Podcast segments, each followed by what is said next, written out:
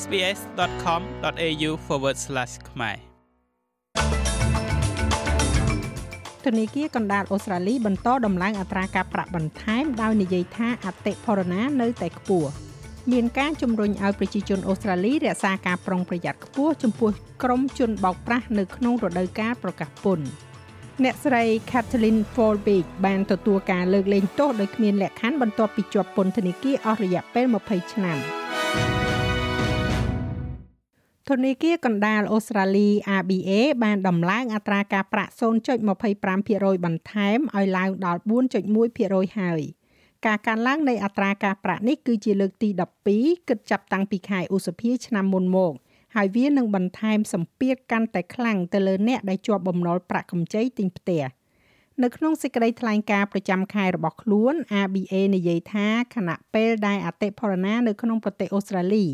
បានឆ្លងផុតចំណុចខ្ពស់បំផុតទៅហើយនោះក៏ប៉ុន្តែវានៅតែខ្ពស់ខ្លាំងពេកនៅចំណុច7%ទេសាភិបាលធនាគារកណ្ដាលលោក Philip Lowe និយាយថាវានឹងត្រូវការពេលបន្តិចទៀតនៅមុនពេលអតិផរណាត្រឡប់មកក្នុងកម្រិតគោលដៅដែលចង់បាន គឺពី2ទៅ3%វិញ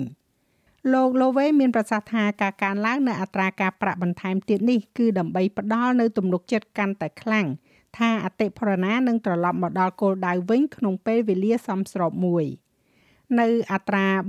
4.1%អត្រាសាច់ប្រាក់ឥឡូវនេះគឺជាអត្រាដែលខ្ពស់បំផុតចាប់តាំងពីខែមេសាឆ្នាំ2012មក អ្នកសេដ្ឋកិច្ចវិទ្យាបានធ្វើការប៉ាន់ប្រមាណខុសគ្នាចំពោះថាតើ ABA នឹងបន្តកើនឡើងឬក៏ផ្អាកអត្រាការប្រាក់នៅក្នុងខែនេះដោយប្រឈមមុខទៅនឹងការធ្លាក់ចុះនៃការចំណាយរបស់អ្នកប្រើប្រាស់និងការបន្ធូរបន្ថយលក្ខខណ្ឌក្នុងទីផ្សារការងារ។ក្នុងពេលជាមួយគ្នានេះមានការជំរុញឲ្យប្រជាជនអូស្ត្រាលីរក្សាការប្រុងប្រយ័ត្នខ្ពស់ចំពោះក្រុមជនបោកប្រាស់ឬក៏ហៅថា scammers នៅក្នុងរដូវកាលប្រកាសពន្ធ មានរបាយការណ៍គួរឲ្យសង្ស័យជិត20000របាយការណ៍ត្រូវបានគេធ្វើឡើងនៅក្នុងឆ្នាំមុនការិយាល័យពន្ធដារអូស្ត្រាលីដែលហៅកាត់ថា ATO បានទទួលរបាយការណ៍បោកប្រាស់ជាង19000របាយការណ៍រួចទៅហើយនៅក្នុងឆ្នាំហិរញ្ញវត្ថុ2022ដល់2023នេះ។លោកបណ្ឌិត Surenga Sin Iviani គឺជាអ្នកជំនាញខាង Cyber Security លោកមានប្រសាសន៍ថាប្រជាជនងាយរងគ្រោះជាពិសេសនៅអំឡុងពេលនេះខណៈដែលអ្នកជាប់ពន្ធត្រៀមដាក់លិខិតប្រកាសពន្ធឬក៏ tax return របស់ពួកគេ។លោកថានៅក្នុងអំឡុងពេលនេះក្រុមអ្នកបោកប្រាស់គឺកំពុងព្យាយាមប្រើប្រាស់ការពិតដែលថាប្រជាជនរំពឹងថានឹងធ្វើការប្រកាសពន្ធដោយរំពឹងថានឹងទទួលបាននៅសារមួយចំនួនតាក់ទងទៅនឹងការបង់ពន្ធរបស់ពួកគេឬក៏ពីការិយាល័យពន្ធដារអូស្ត្រាលីហើយរដ្ឋាភិបាលអូស្ត្រាលីបានប្រ កាសនៅកញ្ចប់ថវិកាចំនួន86លាន5សែនដុល្លារកាលពីខែមុនដើម្បីដោះស្រាយបញ្ហា scam និងការបន្លំតាមអនឡាញ។ចំណែកឯព័ត៌មានមួយទៀតគឺតកតងជាមួយនឹងការលើកលែងទោសដោយគ្មានលក្ខខណ្ឌបន្ទាប់ពីជាប់ពន្ធនាគារអស់រយៈពេល20ឆ្នាំអ្នកស្រី Kathleen Forbig ត្រូវបានគេរកឃើញថាមានពិរុទ្ធចំពោះការស្លាប់របស់កូនកូន4នាក់របស់គាត់នៅក្នុងឆ្នាំ2003 ប៉ុន្តែការស៊ើបអង្កេតបានរកឃើញថាមានការសង្ស័យសមហេតុផលចំពោះកំហុសរបស់គាត់មេធាវីរបស់អ្នកស្រី Forbig គឺលោកស្រី Rani Rigo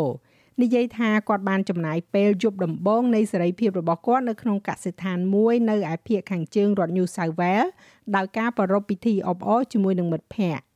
លោកស្រីមេធាវីក៏បានជំរុញឲ្យនរណាម្នាក់ដែលនៅតែជឿថាអ្នកស្រី Forbig មានពិរុទ្ធនោះឲ្យពិនិត្យមើលលើផុសតាង គេរំពឹងថាក្រុមច្បាប់របស់អ្នកស្រី Forbig នឹងចាត់វិធានការដើម្បីធ្វើឲ្យការកាត់ទោសអ្នកស្រី Forbig ចាត់ទុកជាមុខៈនិងអាចស្នើសុំសំណង។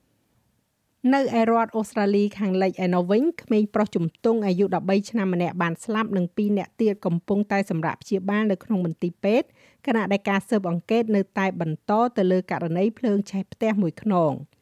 ក្មេងប្រុសម្នាក់នេះបានស្លាប់កាលពីថ្ងៃច័ន្ទម្សិលមិញបន្ទាប់ពីត្រូវបានគេបញ្ជូនទៅកាន់មន្ទីរពេទ្យកុមារ Perth កាលពីសប្តាហ៍មុនក្នុងស្ថានភាពធ្ងន់ធ្ងរ។ប៉ូលីសបាននិយាយថាក្មេងជំទង់ពីរអ្នកផ្សេងទៀតស្ថិតនៅក្នុងស្ថានភាពធ្ងន់ធ្ងរនៅឡើយក៏ប៉ុន្តែមានស្ថិរភាព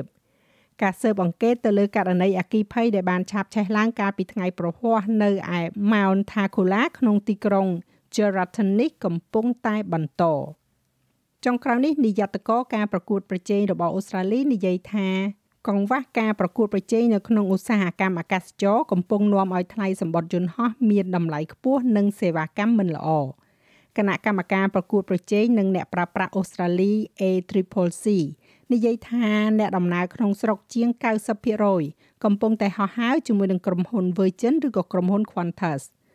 លោកស្រី Gina Kasgotip មកពី ACCC មានប្រសាសន៍ថាឧស្សាហកម្មអាកាសចរពាណិជ្ជកម្មនៅតែក្តាប់ក្តាប់ដោយក្រុមហ៊ុនធំធំពីរដែលមិនល្អសម្រាប់អ្នកប្រើប្រាស់នោះឡើយលោកស្រីកំពុងអំពាវនាវឲ្យក្រុមហ៊ុនអាកាសចរតូចៗទទួលបាននូវសិទ្ធិចូលដំណើរការកាន់តែប្រសើរឡើងសម្រាប់ការចុះចតនិងហោះហើរ ព្រមទាំងអន្តរាគមរបស់រដ្ឋាភិបាលដើម្បីបង្កើតភ្នាក់ងារដោះស្រាយវិវាទឯករាជ្យដើម្បីដោះស្រាយការតវ៉ារបស់អតិថិជន។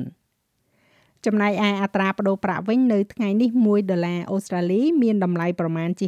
66សេនកន្លះដុល្លារអាមេរិកត្រូវនឹង2750រៀលប្រាក់រៀលខ្មែរ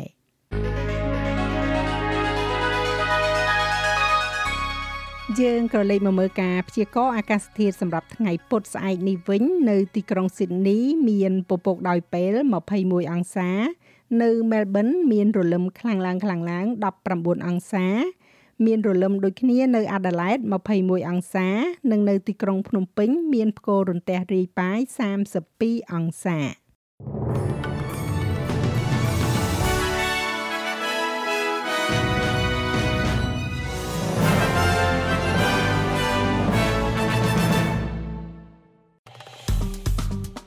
ចុច like share comment និង follow SPS ខ្មែរនៅលើ Facebook